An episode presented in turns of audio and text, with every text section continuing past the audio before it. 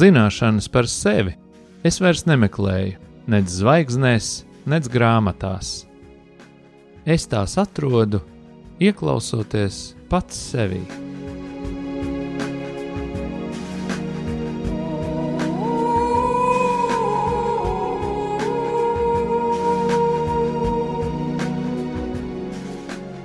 Raidījums Mīlestības terapija top mīlestības mājai, sadarbojoties ar profesionālo pastorālās konsultēšanas asociāciju.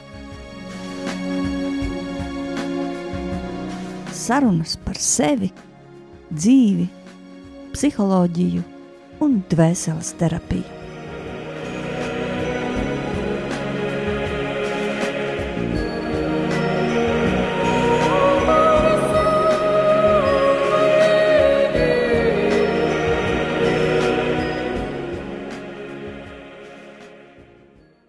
Labvakar, mīļie radio klausītāji, ceturtdienas vakarā. Raidījums mīlestības terapija kopā ar jums ar sarunām par cilvēku, par viņa dzīvi, par izvēlēm. Un kopā ar mani radio studijā atkal mans kolēģis Gatis Līdums. Priecājos, ka jūs esat šeit. Labvakar! Šodienas varbūt tas atslēgas vārds varētu būt cilvēciska izvēle cilvēka izvēle priekš savas dzīves. Varbūt tas arī tāds turpinājums tam, ko mēs iesākām iepriekšējā reizē, bet mazliet no citas skatu punkta. Tad, kad mēs strādājam ar cilvēkiem savā terapeitiskajā praksē, vairāk es domāju, protams, kad mums nākas satikties ar cilvēkiem, kuri ir ievainoti, kuri meklē izēju no dažādām grūtībām, traumām, varbūt kādām nepareizībām.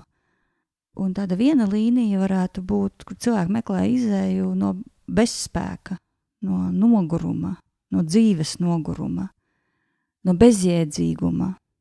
Un šādu izēju meklē dažādi cilvēki. Gan bagāti cilvēki, gan cilvēki ar augstu statusu, kādā profesionālajā dzīvē, gan nabadzīgi cilvēki, gan apmaldījušies cilvēki, arī bērni. Starp citu, bērni tikai to parāda ļoti vienkārši. Es gribu nomirt, es nesaprotu, kāpēc es dzīvoju. Bērni to saka ļoti tieši. Tātad mums katram ir noteikts daudzums spēka. Mums katram ir ierobežots daudzums spēka, jo vienā brīdī mēs jūtamies noguruši. Vienā brīdī mums nav vairs spēka. Tad mums ir ierobežots daudzums spēka. Un tagad es stāvu šī sava ierobežotā spēka daudzuma priekšā un domāju, kurus to izlietoju. Un tas no manas lēmuma ir atkarīgs. Lūk, šie ievainotie cilvēki, kas meklē izēju, nu, tas ir tas, ko es varbūt arī man pagājušās nedēļas dziļa atklāsme, ka cilvēks var ļoti daudz spēka izlietot, pielāgojoties visādām kroplām, nedabiskām, sev neatbilstošām sistēmām un iztērēt tajā ļoti daudz sava dārgā un vērtīgā spēka. Darba sistēma, kur vispār tev neatbilst. Cilvēks, kurš strādā kaut kādu iemeslu dēļ, bet uh, ne tam dēļ, ka viņš jūtas aicināts tajā, ka viņš jūt, ka tam viņam ir iedots resurss.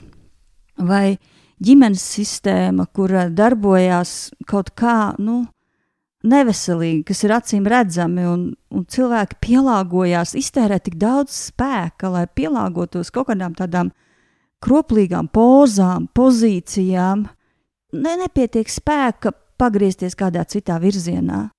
Un nevienmēr aiziešana no partnera ir tas īstais virziens. Nu, neatrod spēku, vai neatrod spēku ļoti būtiskām lietām savā dzīvē, neatrod spēku pateikt labu vārdu, neatrod spēku iedot kādu uzmanības minūti savam bērnam, jo nav spēka vairs. Un galu galā, ja tu tādā neērtā pozā, saspringušā, esi pielāgojies ilgtermiņā, tad eh, tu jau arī saslimsti. Es kādreiz arī cilvēkiem rādu kādu nedabīgu pozu, kurā tu sastinds dzīvo ilgtermiņā. Nu, protams, ka tu sāc slimot. Protams, ka tas plecs saspringušais tev sāk sāpēt pēc kāda laika. Un, un tad ir tā otra izvēle, kur tu vari izvēlēties, kas arī prasīs ļoti daudz spēka, tieši tāpat, ne mazāk. Radīt kaut ko jaunu, radīt kaut ko, kas vairo dzīvību tevī, jaunu ceļu, jaunu sistēmu, jaunus paradumus, jaunu redzējumu, savu filozofiju galu galā par lietām, kas arī nav viegli. Tas ir milzīgs ieguldījums sevī. Mana personiskā, piemēram, pieredze, kad dzima mani bērni, bija tāda, nu, tā kā man bija ļoti smags stāsts, tad man piedzimta zīdainis, man vispār nebija ko dot. Man vispār nebija ko dot. Un tikai mans lēmums, kad es celšu, es meklēšu, es atradīšu, viņš tā kā izveidoja pilnīgi citu dzīves ceļu un citu dzīves scenāriju man, kā tas ir bijis manai mammai. Bet tas ir milzīgs ieguldījums. Tas ir tāpat paņem ļoti daudz spēka. Tikai vienkārši šeit ir tā izvēle. Vai es turpinu un griezties tajā ritenī, nu, tajā, kas paņems no manis ļoti daudz tāpat, vai es radu kaut ko jaunu, tur meklēju, kā to radīt, un pagriežos šajā jaunas dzīves scenārija radīšanas virzienā. Grūtības ir uz abiem ceļiem, spēku paņem abi ceļi, bet pa vidu ir tava cilvēciskā izvēle. You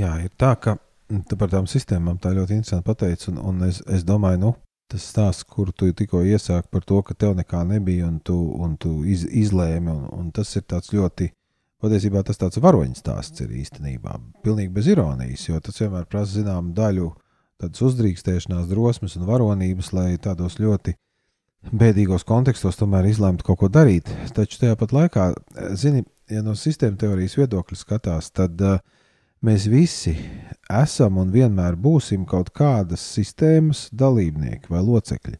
Un šīs sistēmas, kurās mēs piedalāmies, ir vairākas. Vai daudzas diezgan. Un katra no šīm sistēmām darbojās pēc saviem iekšējiem likumiem, un mēs ļoti daudz tur ietekmēt neko nevaram. Un, un, un te sākās tas, mēs varam sākt izsamist, un mēs varam sākt bēdāties, vai arī nu, ekstrēmā gadījumā nodzerties, vai kāpēc es vispār dzīvoju, un kaut ko tādu.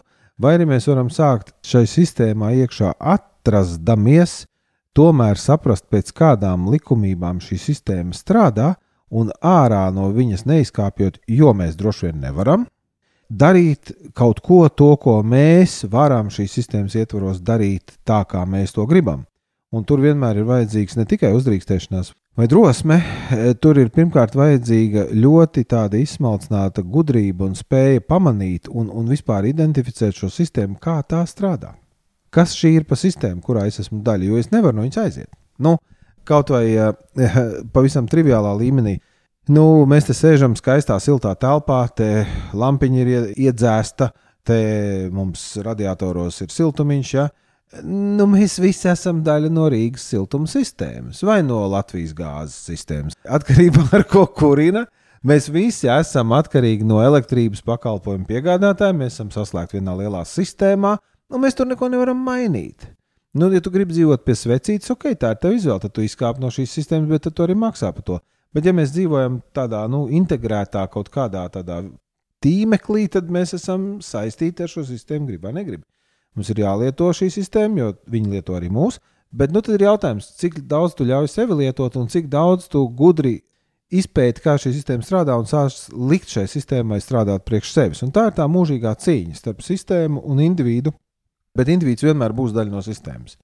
Individs nekad nevar būt ārpus sistēmas. Jā, sistēmu var mainīt, bet pēc sistēmas teorijas to nekad nevar izdarīt viens cilvēks.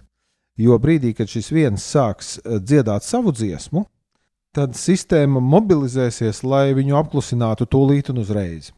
Jo sistēmai tāds nav vajadzīgs. Sistēma mainās, ja notiek citas lietas. Ja tur uzkrājās kaut kāda kritiskā masa ar, ar, ar vienādi domājošiem vai darošiem cilvēkiem, vai kaut kādas jaunas idejas, liek sistēmai mazliet pārstartēties.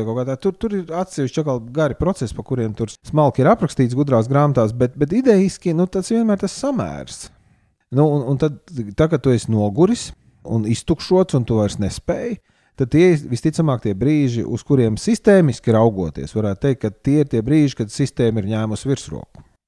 Ka tev pašam šai sistēmā īsti nav vietas, ka tu apies to, ka tu esi tikai skrūve vai uzgrieznis, kuram no tikiem līdz tikiem ir jāražo, nezinu, materiāls, labums vai pievienotā vērtība vai nauda nodokļiem, kuru tu pats netērēsi, bet tērēs kādi citi, kuri pār tevi, kā kuriem ir vara pār tevi. Un tad tu vienā brīdī ļoti nogursti, jo, tu, jo tad tu uzdod to jautājumu, vai jēga tā kāda. Nu, šitā visu mūžu, un tad, kad slims, tad tur uz to nabadzīgo pensiju, kuru lielākā daļa darba ņēmēju pensiju aizgājuši saņemt tiešām.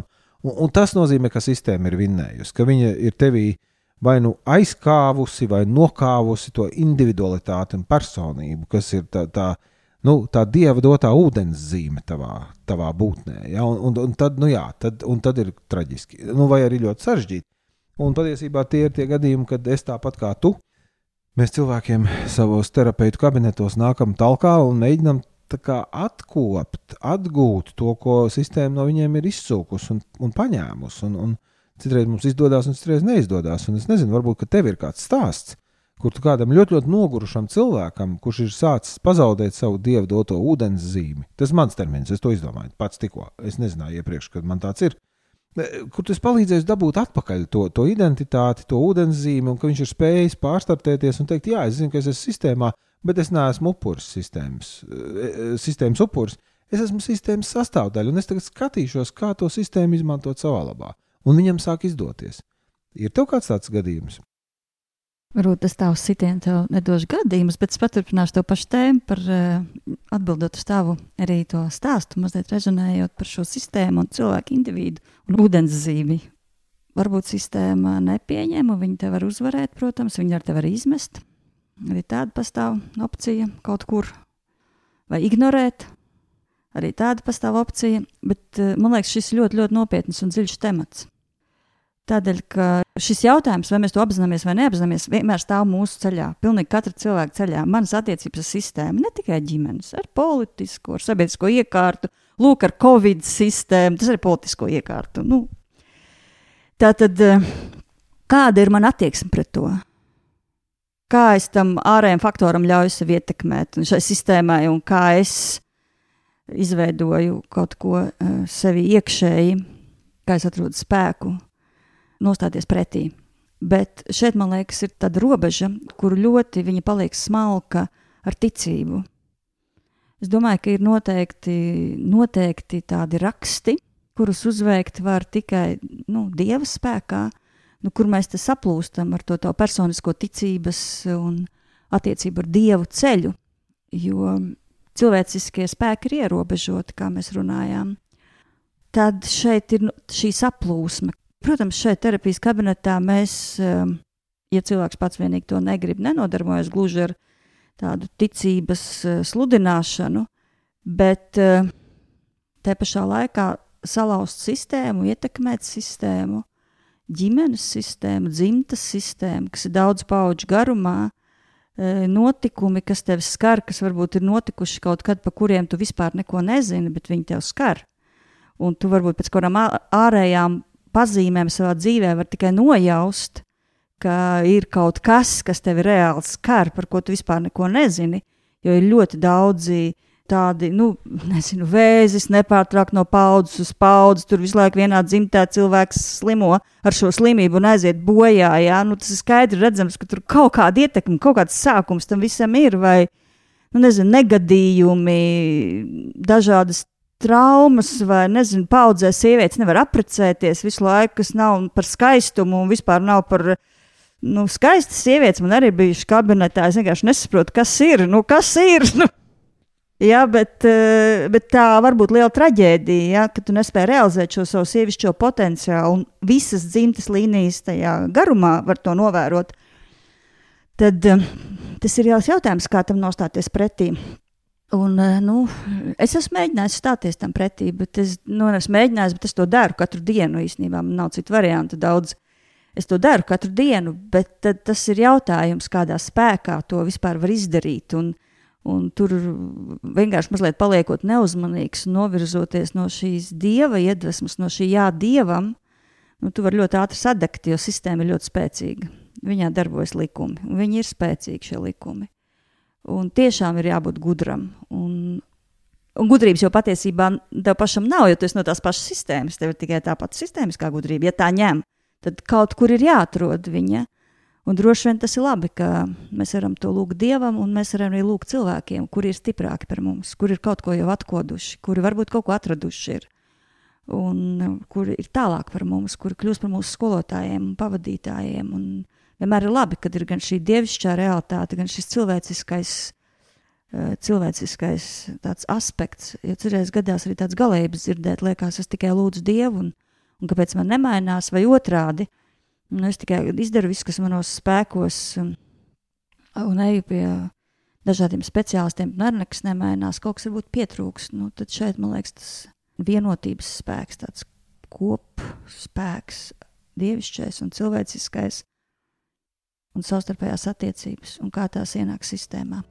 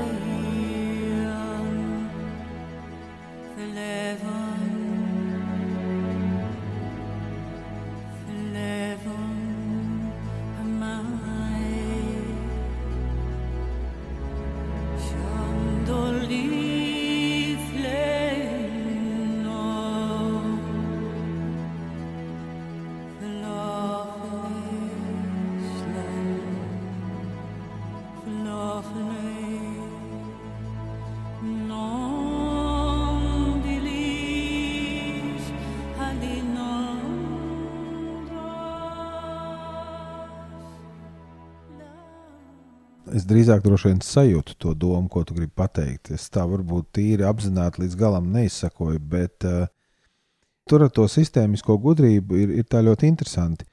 Jo patiesībā cilvēkam, kurš sistēmā dzīvo, kā rāda novērojumi, tādas sistēmiskās gudrības patiesībā nemaz nav. Tur ir vajadzīgs ļoti ilgi mācīties un studēt, vai patiešām tad, uh, nu, jābūt kaut kādai īpašai dāvanai, lai tu ieraudzītu, kā sistēma strādā un šos, ko ar šo sistēmu darīt. Un nevelti tāpēc ir sistēmiskie konsultanti un supervizori un viss kaut kas. No es tā skaitā esmu viens no viņiem. Jo, ja tu ikdienā ar sistēmām nestrādā, tad tu nevari pamanīt. Tev, tā, tev nav tā sistēmiskā gudrība. Tu vienkārši ik pa brīdim kaut kam uzgrūdies, uzduries, tev kaut kas notiek, un tu visu laiku esi izbrīnīts, kāpēc tā.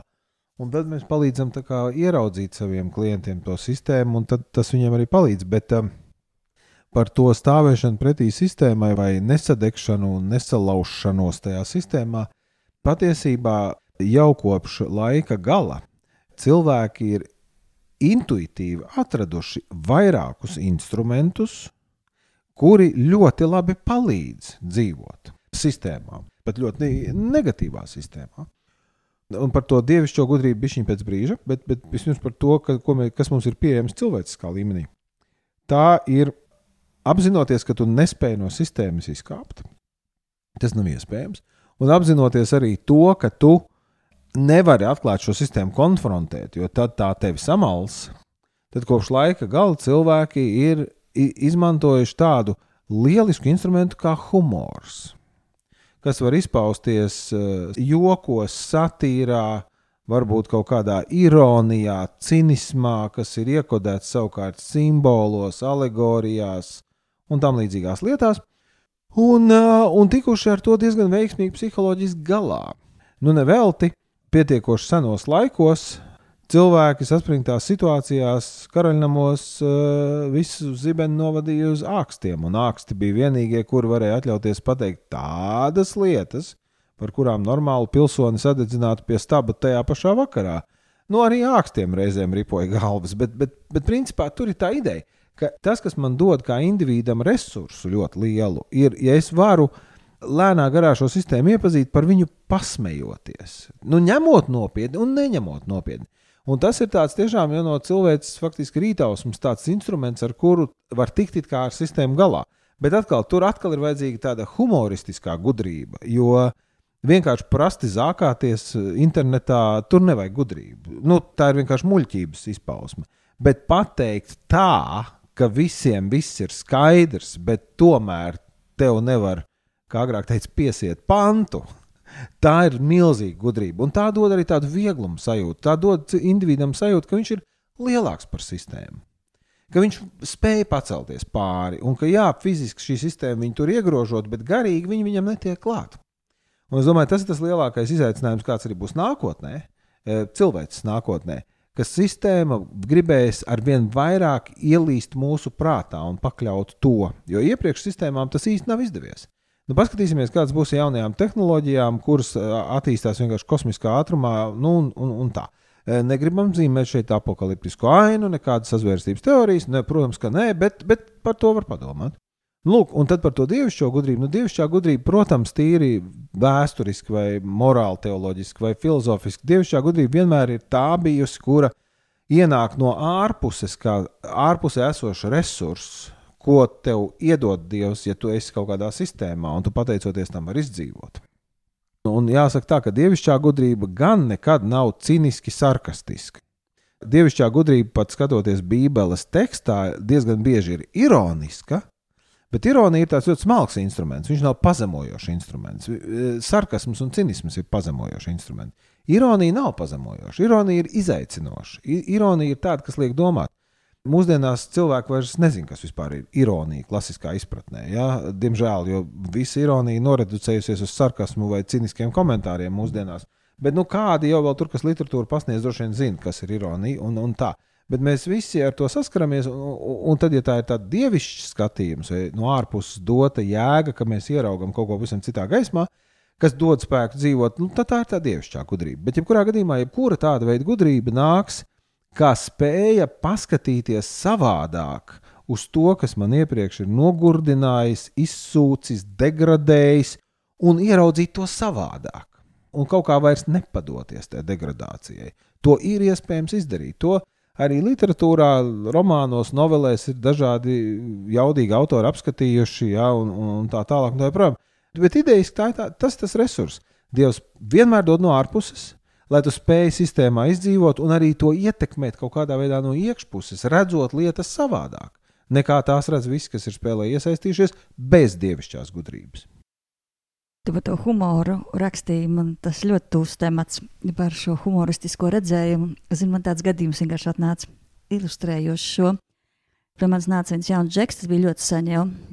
Vidusskolnieks, man liekas, kaut kāda pēdējā klase, un uz konsultācijām. Un, Īstenībā viņa, tā, tā viņa lieta bija, par ko viņš tur sūdzējās un bēdājās, bija, ka viņam vienkārši pietrūkst spēka būt vīrišķīgam puisim. Nu, viņam vienkārši kur viņš padodas. Viņš tāds pamīksts priekš sevis likās, kā viņš gribētu būt. Un mēs tur tā šā un tā par viņu dzīvi. Un gala rezultātā es viņam iedevu tādu mājas darbu, lai viņš eh, rada tādu humoristisku tēlu par eh, to, kas ierobežo viņa spēku, vīrišķo spēku. Viņš atnesa man tādu tēlu, kas man palicis atmiņā līdz šai dienai. Viņš bija izveidojis tādu figūriņu, kas ir viņš kā no māla, man liekas, pat tā figūriņa bija izveidota. Viņš bija satinis eh, tādus diegus apkārt tai, figūriņai, ir nosaucts vārdā mamma, un mutē viņam bija knupīts. Un taisot to, to bildi, viņš ieraudzīja mammas domas, mammas attieksme, lūk, mammas programma, mammas pāraprūpe, mammas bailes. Tas viss bija tie striķi, kas viņu ir sasējuši. Bet šis humoristiskais redzējums, tas simbols kāds tāds, deva viņam milzīgu resursu, iet tādu atbrīvošanās ceļu. Nu, dažreiz ieraugot šīs lietas kaut kādā citā gaismā, mēs atrodam spēku sevī vienkārši nostāties pretī. Nu, re, varbūt mēs varam kādu raidījumu veltīt tieši simboliem, metaforām un tādām lietām, jo tad, kad tu šo te sāki aprakstīt, tad, eh, nu, mamma kā čūska, ja, kura ir apvijusies, mamma jau nav slikta, mamma dara to, ko viņa māca. To, kā viņa savukārt ir mācīta, un, un mamma jau tikai labu grib. Tā kā viss cieņa mammai par to. Bet no otras puses, nu ne jau vēl viens no tādiem ļoti jaudīgajiem alķīmijas simboliem ir čūska, kas ēd pati savu asti, gradzenās attinusies. Ja? Tā kā arī tur kāds kaut ko mēģināja pateikt, kurš pirmais uzzīmēja čūsku, kur pat ēd savu asti. Ja? Nu, un tieši tā, nu šādi tipi simboli, viņi, viņi mums dod to ārējo redzējumu, kurš mums palīdz dzīvot. Viņš mums palīdz, nu piedod, es teikšu tā, šis ārējais redzējums mums bieži vien palīdz nebūt tik nāvīgi, depresīvi nopietniem par to, kas notiek. Ak, Dievs, man maskā ir jāstaigā. Ko nu darīsim? Zini, neko nedarīsim. Un tad man nāk prātā tāds mēms, kas peldēja riņķī internetā, kur uh, pirmajā vilnī tas bija. Ja? Tagad mēs esam otrajā, ir paredzēts arī, ka būs trešais. Nu, redzēsim, kā tas tur viss aizies. Bet pirmajā vilnī bija tāds mēms, kur dzīva sieviete, viņa rādīja pamācību, kā ēst ar masku uz sejas. Viņai vienkārši bija divas maskas. Viena no zoda līdz apakšlūpai, un otra no deguna līdz virslūpai. Un viņa pa vidu to šķirbu kustināja, un tur lika iekšā pārtika ik pa brīdim. Ja? Nu, lūk, arī tas ir veids, kā paskatīties uz sistēmu no ārpuses. Ja? Pasmieties, iegūt kaut kādu iekšēju resursu, kurš, kurš tev neļauj nomirt aiz nopietnības, jo viss taču ir tik šausmīgi nopietni. Un ko mēs tagad darīsim? Nē, nē, mēs darīsim, jo viss nemaz nav tik nopietni.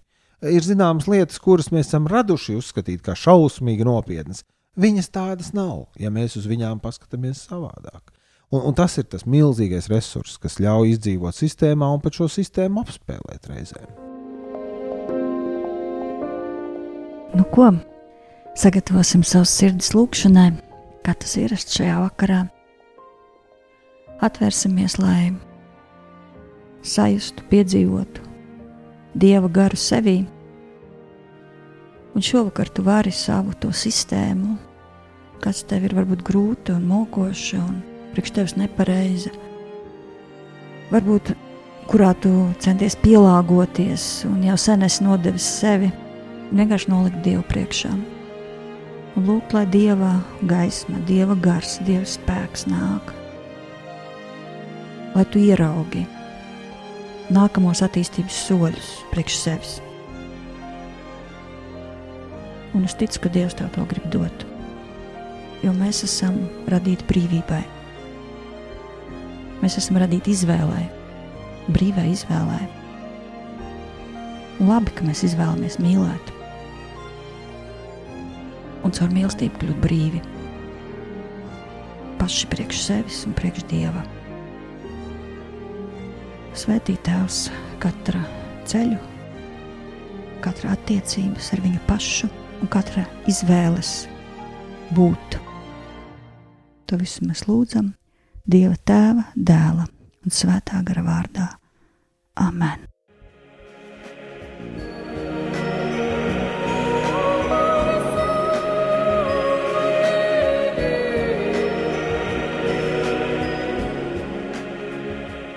Jūs klausījāties raidījumu mīlestības terapija. Raidījums var noklausīties Radio Marija mājaslapas arhīvā un YouTube kanālā Mīlestības māja.